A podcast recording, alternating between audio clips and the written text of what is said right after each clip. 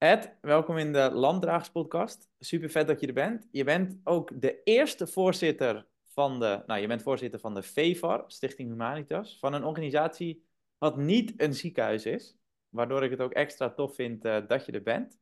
Je bent ook, nou ja, trouwe, trotse landdrager, weet ik. Daarom vind ik het extra, extra vet dat je er bent.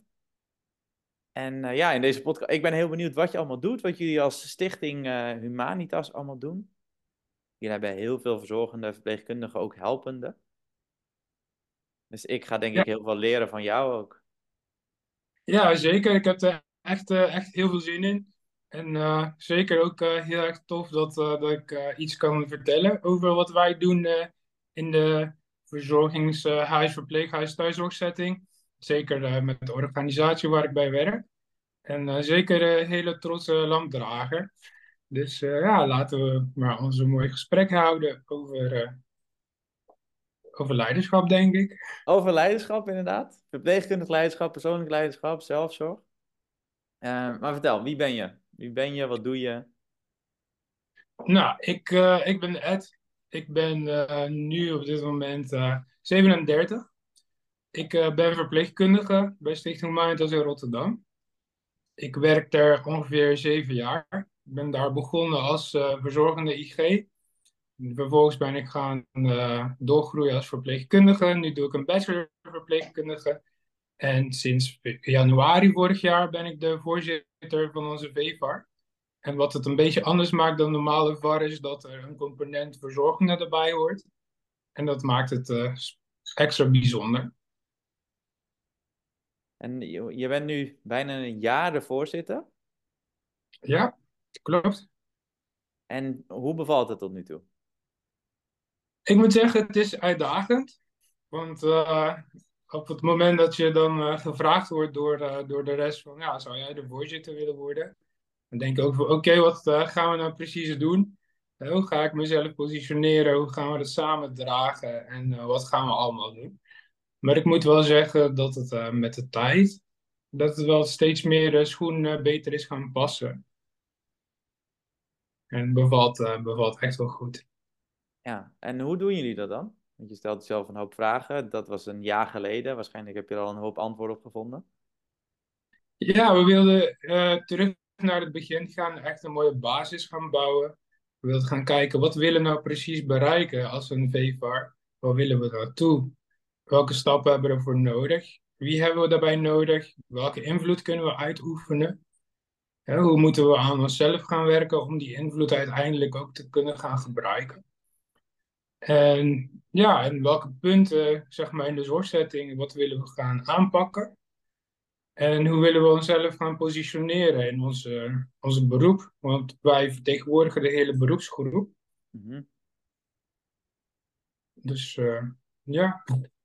Ja, want jullie hebben 1500 verzorgende verpleegkundigen en helpende, geloof ik ook. Ja, volgens mij 1500 is volgens mij best wel heel veel. Maar volgens mij iets van, uh, van zeker 600. Oh. We zijn best wel een hele grote, grote stichting uh, binnen Rotterdam en uh, de omgeving van Rotterdam. Dus we zitten ook aan de andere hoek van Holland en, en Spijkenisse. Het is een hele Rijnmond gebied eigenlijk. We hebben een stuk of twaalf verpleeghuizen momenteel. We hebben allemaal thuiszorgteams. We hebben ook GGZ waar wij zeg maar zorg aan verlenen onder andere ook met een PGT-team.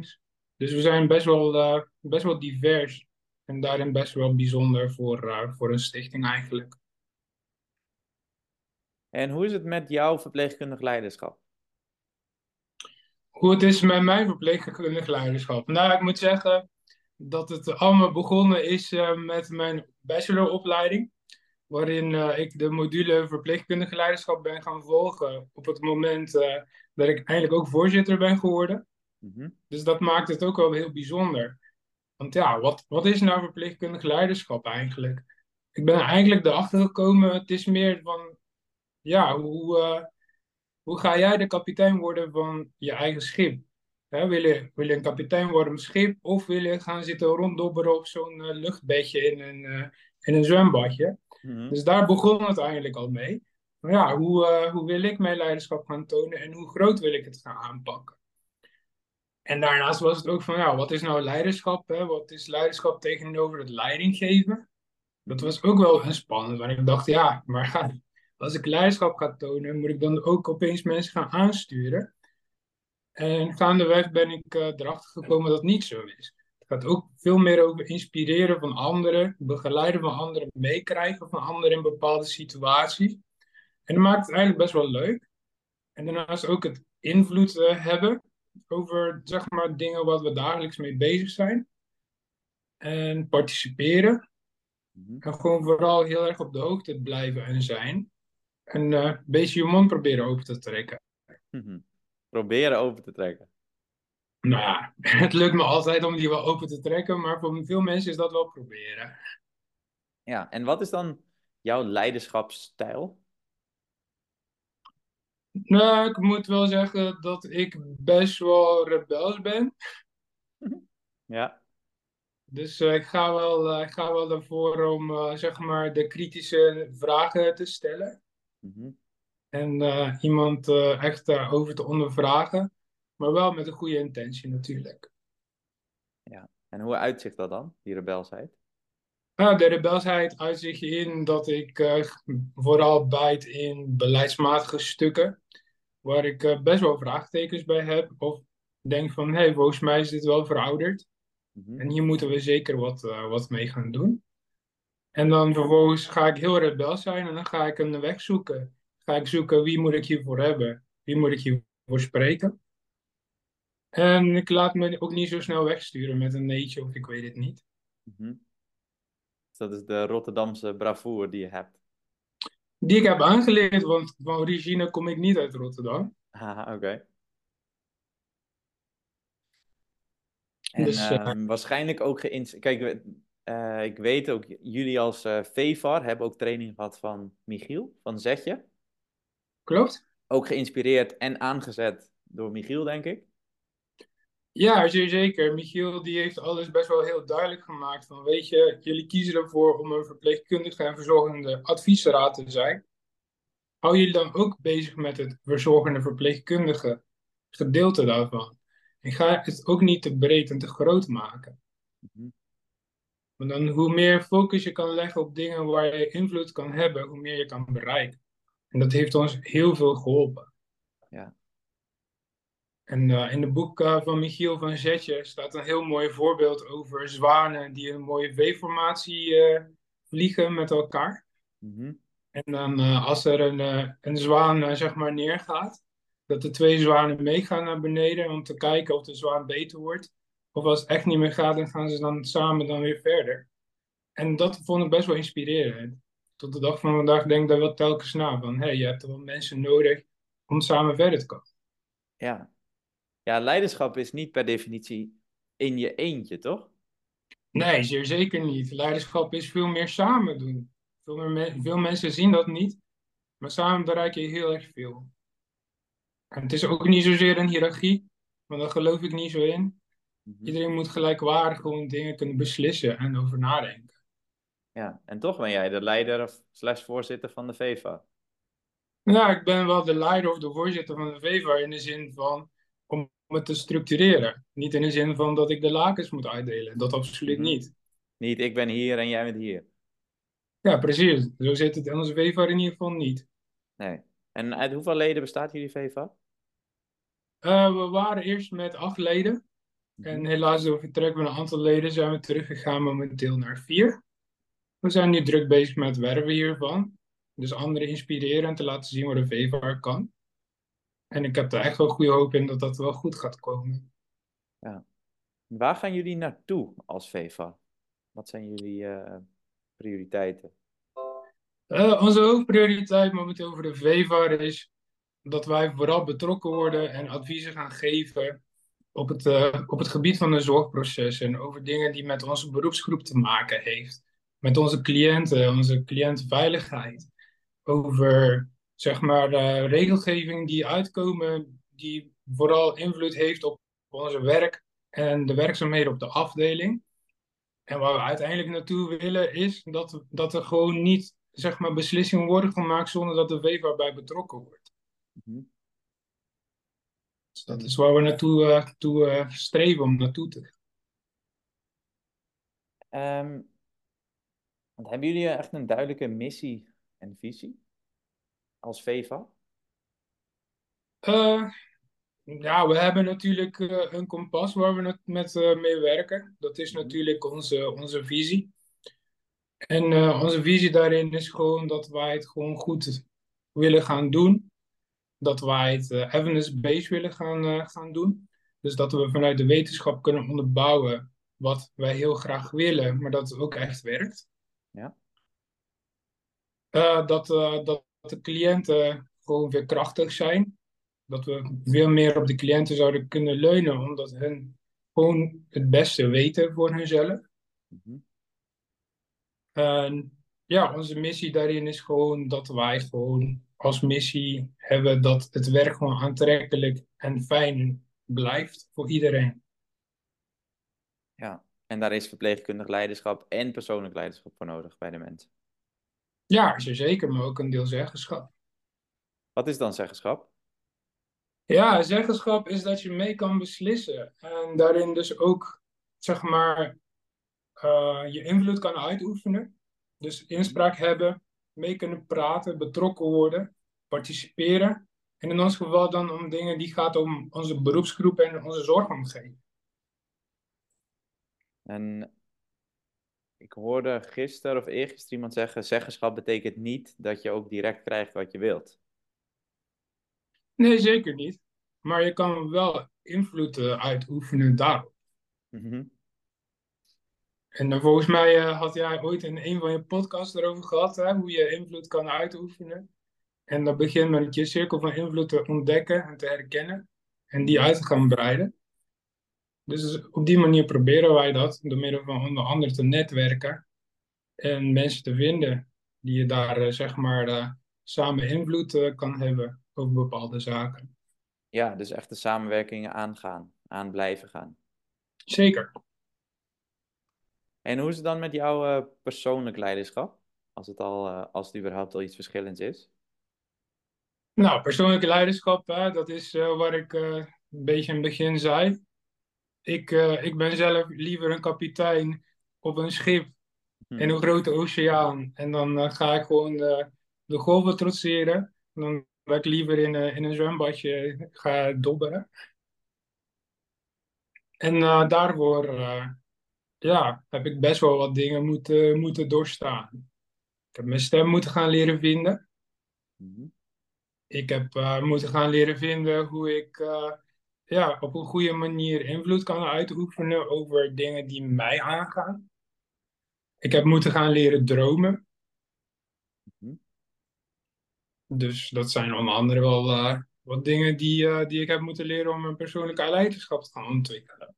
En wat heeft dat je opgeleverd dan? Alleen maar positiviteit. Want op een gegeven moment, als je ook goed persoonlijk leiderschap hebt, zien mensen je ook gewoon staan. Op een of andere manier word je de, gaat het mensen aantrekken. Mm -hmm.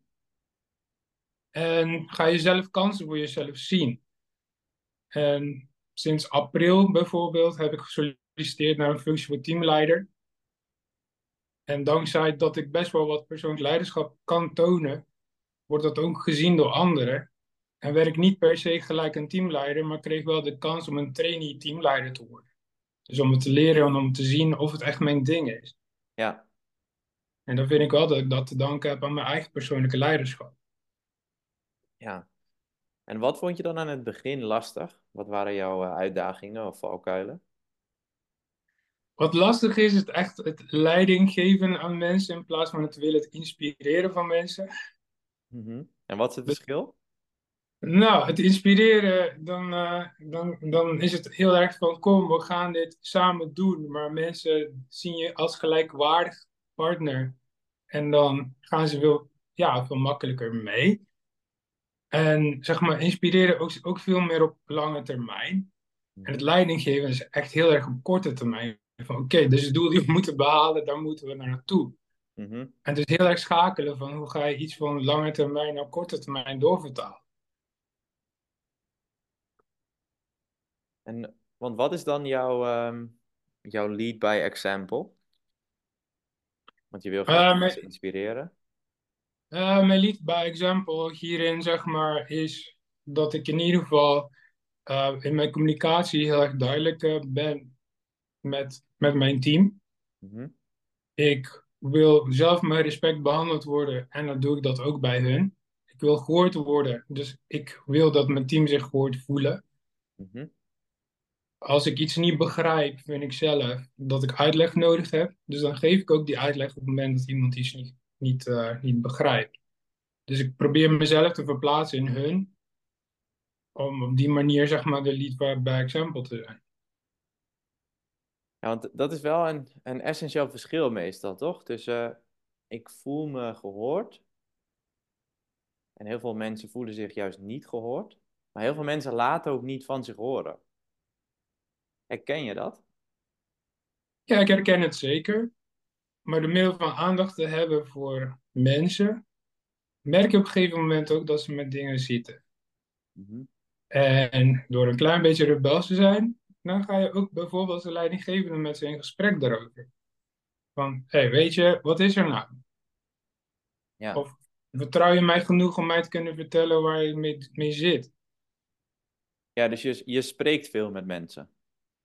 Ik probeer zoveel mogelijk met ze te spreken. En ook zoveel mogelijk rekening te houden met ze.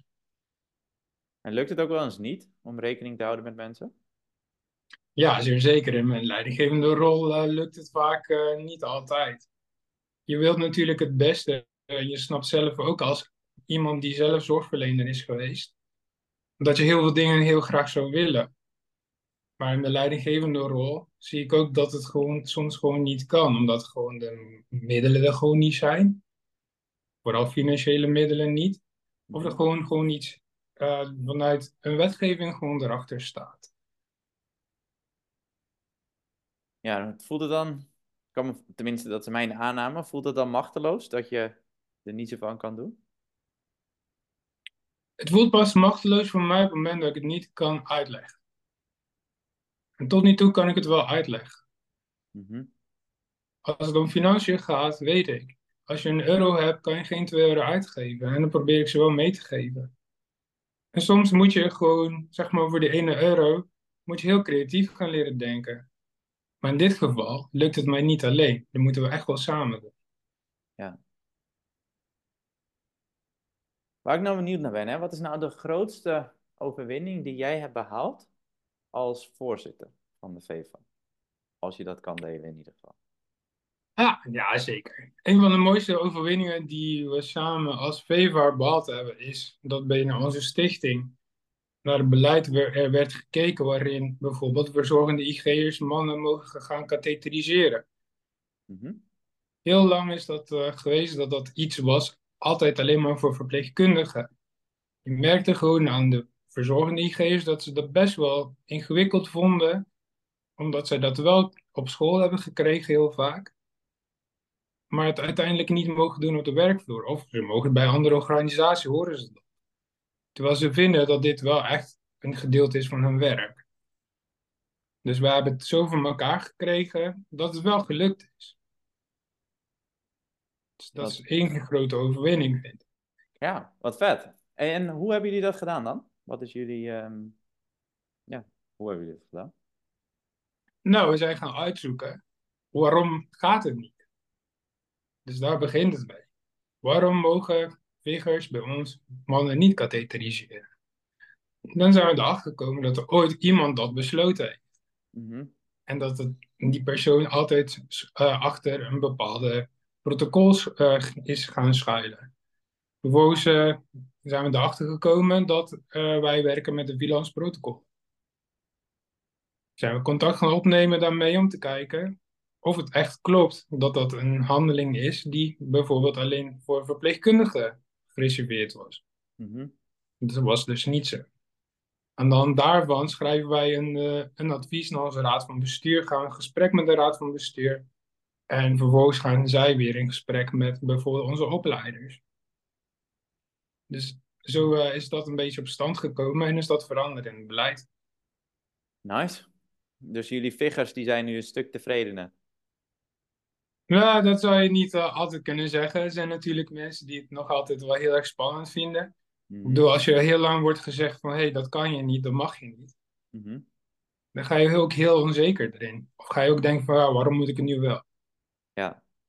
Dus dan hopen wij daarmee ook mensen te gaan stimuleren, motiveren, inspireren, dat ze het wel echt wel kunnen.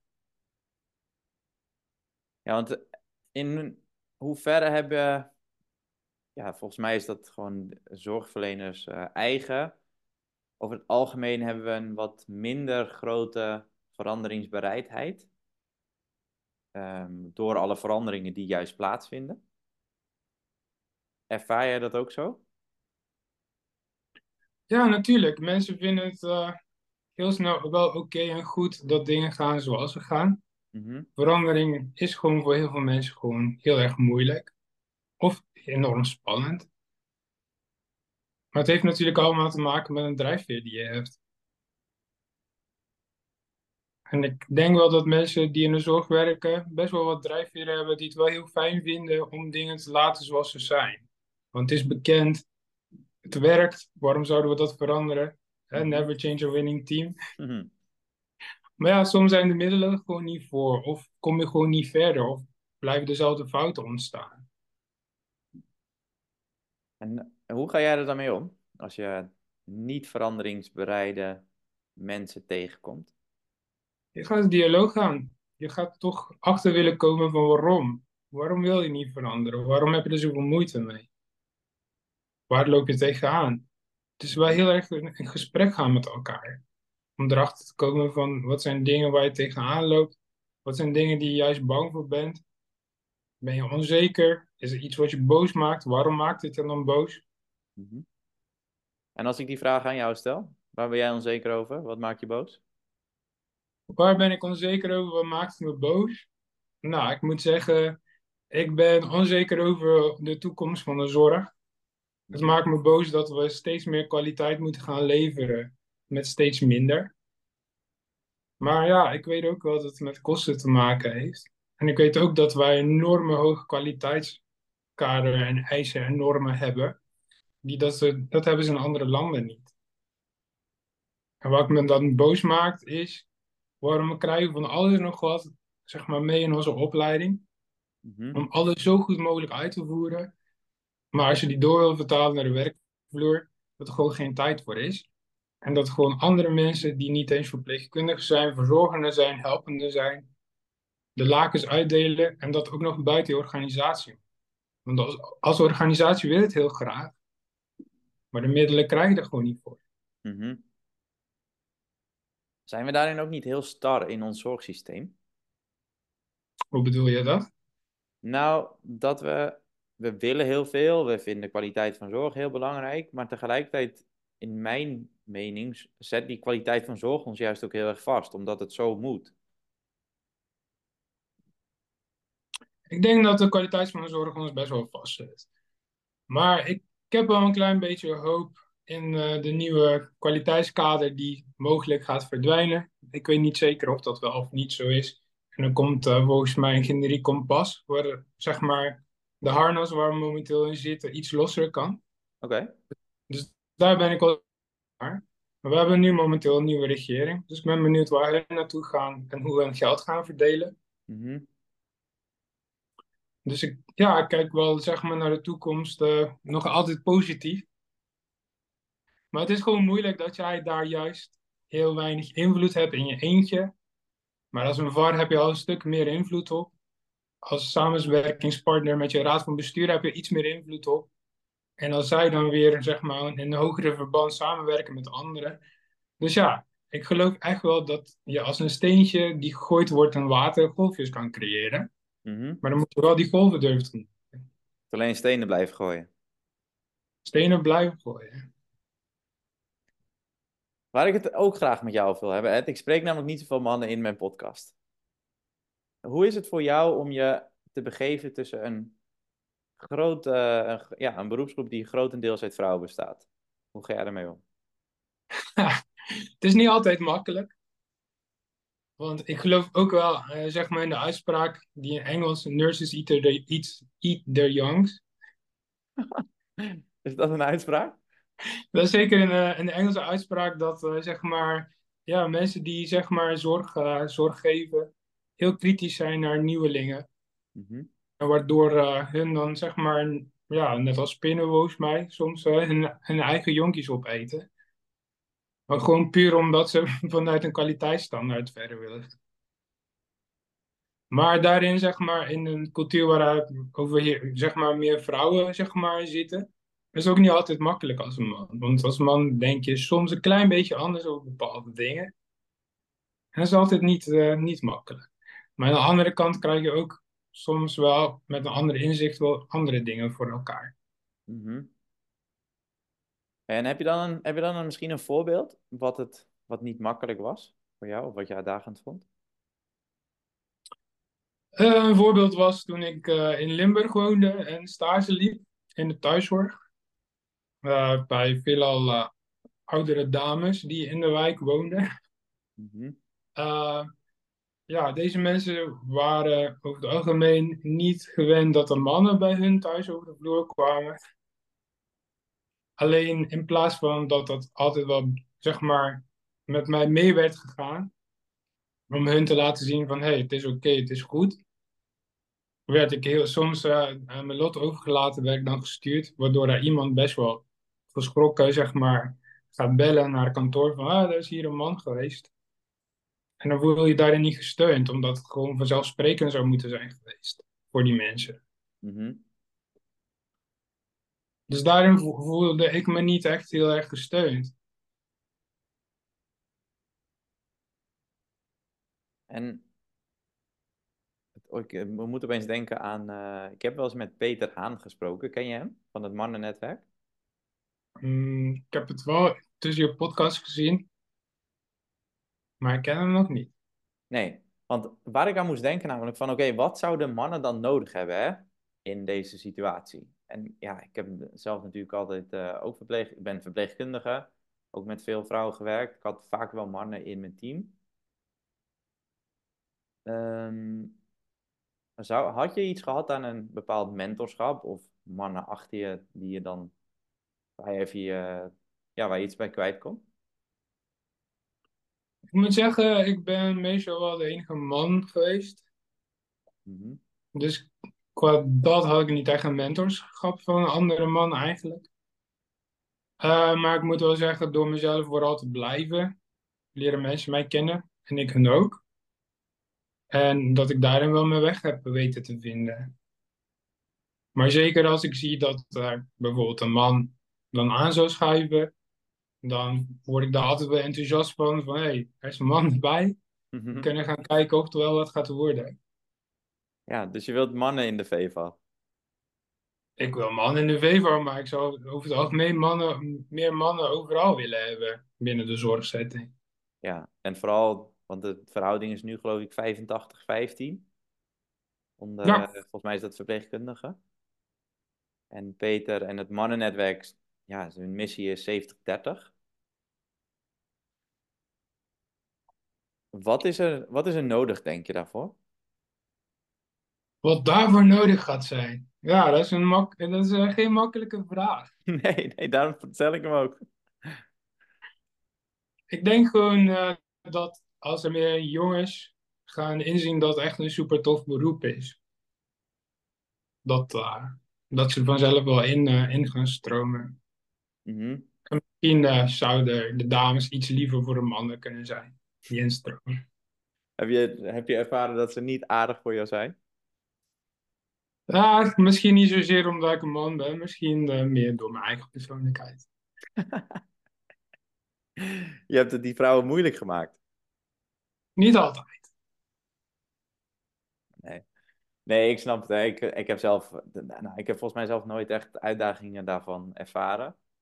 Maar ik kan me voorstellen dat, dat andere uh, jongens, mannen denken: hé, hey, dat zorgende, dat is ja, vanuit de stereotype is dat vrouwelijk. En dat ze misschien denken, dat ga ik niet doen. Ik ga iets anders doen. Ben jij... Ja, ik denk, uh, ik denk wel, zeg maar, vanuit, als we naar de toekomst gaan kijken, dat uh, de man-vrouw rollen wel steeds meer vager gaan worden. Mm -hmm. En uh, dat er in de toekomst wel veel meer uh, mannen willen aansluiten in de zorg. Dat geloof ik ook wel. Ja. Hoe verzorgend ben jij? Hoe empathisch ben je? Ik kan heel empathisch zijn. Mm ik kan uh, zeg maar in mijn empathie ook best wel selectief zijn.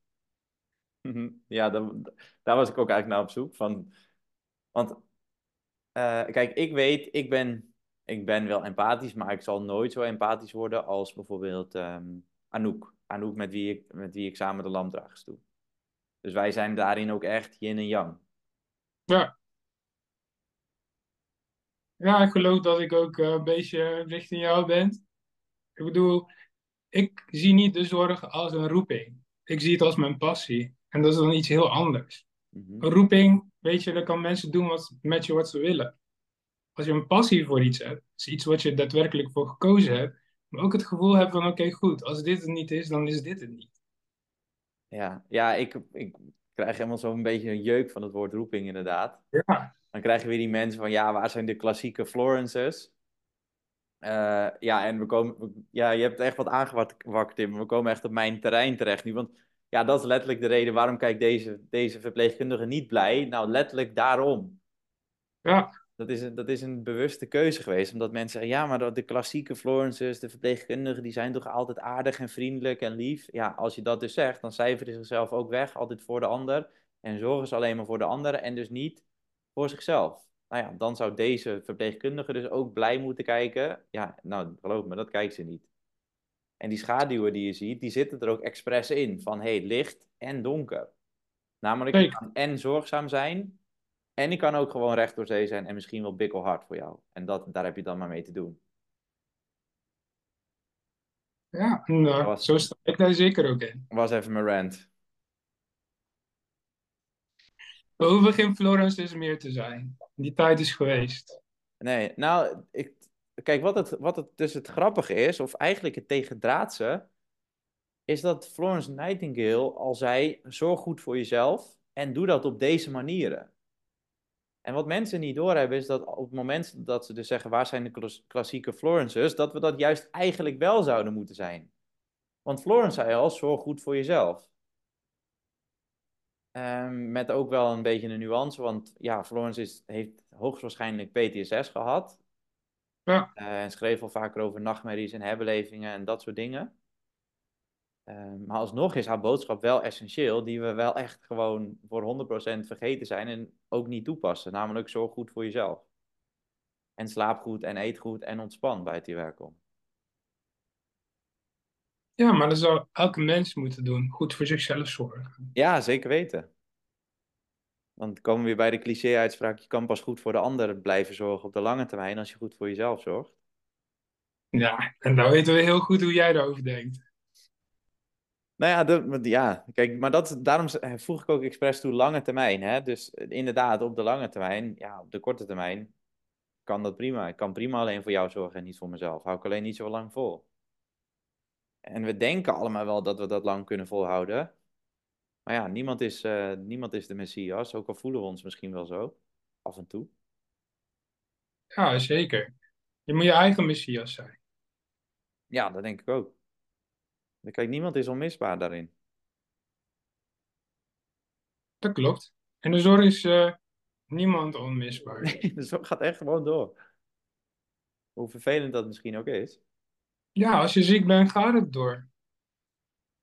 Met mindere mensen, maar het gaat wel door. Ja, Dan heb je zelf mee. Het gaat altijd door, inderdaad. En uiteindelijk, ja, door jezelf als groter te maken dan je bent, heb je misschien juist de ander ermee. En uiteindelijk jezelf. Ja, daar ben ik volledig mee eens. Dus ja, ik mag anderen niet tot last zijn. Ik wil andere mensen niet tot last zijn. Ik cijfer mezelf weg voor de ander. Nou, dat lukt dan tot een bepaalde hoogte. En op een gegeven moment lukt het niet meer. En wie ben je dan tot last? Jezelf. Ja, jezelf. En degene die je heel graag niet tot last wil zijn. Als dat überhaupt al zo is. Um, waar ik nog uh, benieuwd naar ben, hè? Wat zijn. Ja, wat zijn. Wat is nou jouw grootste uitdaging als het gaat om voorzitter zijn? Wat vind je het allermoeilijkst? Het allermoeilijkst. Maar het heeft met mijn eigen persoonlijkheid te maken. Daarom ik vind het, uh, het allermoeilijkst vind ik om nou, soms alle touwtjes los te laten.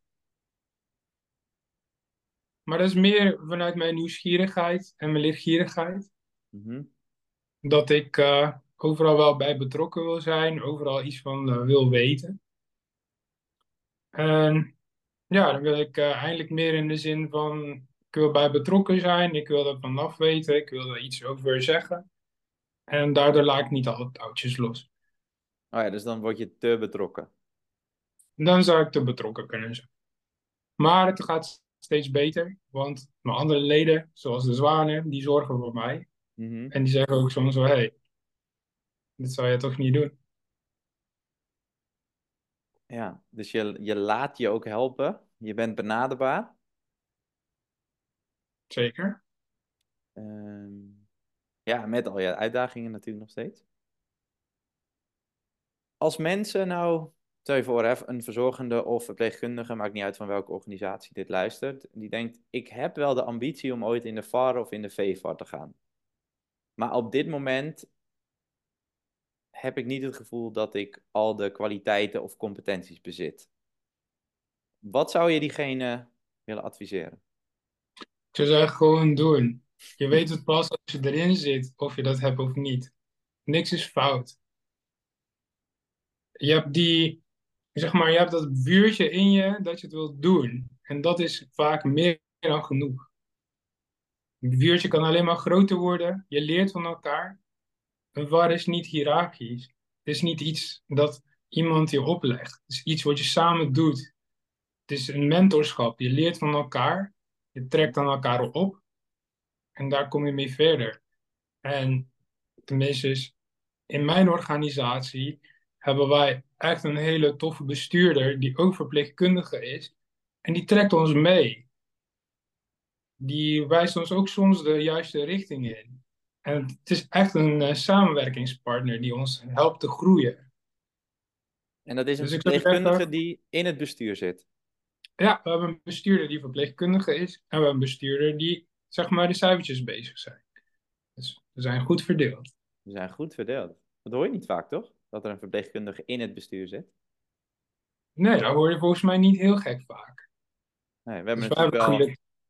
verpleegkundige wel. staf. Ja, we hebben wel verpleegkundige stafbesturen, maar dat is voornamelijk in ziekenhuizen volgens mij. Ja, bij ons hebben we ook verpleegkundigen in onze staf. Dus uh, dat vind ik de mooie aan, uh, aan mijn stichting. We proberen echt de, zeg maar, de werkvloer te representeren binnen zeg maar, alles wat wij eigenlijk aan keuzes maken. -hmm. Ja, mooi. En jij mag daar de voorzitter van de VEVA zijn. En ik mag de gelukkige voorzitter zijn van onze VEVA. En ervaar je dat ook zo? Ik ervaar het zeker. Ik doe het echt met heel veel plezier. Ik denk met heel veel plezier mee aan uh, zaken, aan de toekomst, aan dingen die we naartoe moeten gaan werken. En ik vind het ook wel heel fijn om zeg maar, voor de hele zeg maar, beroepsgroep mee te denken. En het gaat niet om mij, het gaat om zij. Mm -hmm. Het gaat om mijn beroepsgroep. Het gaat om de verpleegkundigen en de verzorgenden over wat hun in de toekomst te maken hebben. En ik maak me daar heel sterk. Ja, mooi. Je komt heel gepassioneerd over, dus dat doe je goed. Vind ik. Dankjewel. Nee, als verzorgende of verpleegkundige van je eigen stichting dit nou uh, luisteren.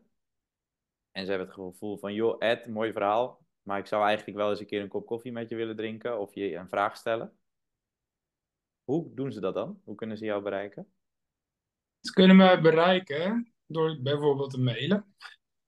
Ja, je hoeft, je hoeft niet je e-mailadres te geven, want andere mensen luisteren dit ook, hè? Ze kunnen mij mailen. En uh, we hebben binnenkort uh, gaan we een eigen ja, pagina lanceren waar ze ons op kunnen bereiken. Waar, uh, waar, ik, waar wij als VAR ook stukken gaan schrijven over bijvoorbeeld leiderschap. Over dingen die wij binnen de stichting doen. Dus op die manier kunnen ze ons zeker bereiken. Oké. Okay. En spreek me anders aan als je mij Ja, ziet rondlopen. Ja, als je zien rondlopen. Heb jij nog een laatste takeaway voor de mensen die dit luisteren? doe gewoon je ding. Wees goed voor jezelf. En als jij het gevoel hebt dat je iets wil zeggen, zeg het gewoon.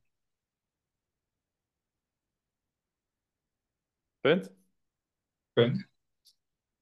En sluit je aan bij de landdragers. En sluit je aan bij de landdragers. Leuze community. Ja, ben jij dan nou ook de 24ste van februari? Ik ga mijn best doen om erbij te zijn. Oh ja, ja. ik weet het weer, ja. Dus ja, ook als je Ed wilt ontmoeten en uh, je bent niet van de stichting of waar dan ook, kom gewoon de 24ste. Het wordt gezellig. Het gaat zeker gezellig worden. En mooi. En mooi. We gaan mooie uh, dingen maken.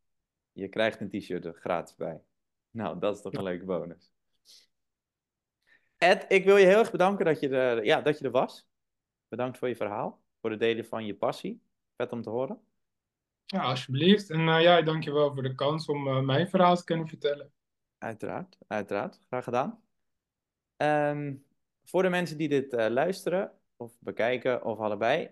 Als je dit een leuke video vond, klik even op het duimpje en klik sowieso even op volgen, want dan krijg je de automatische krijg je ook binnen. Voor nu onwijs bedankt voor het luisteren en graag tot de volgende.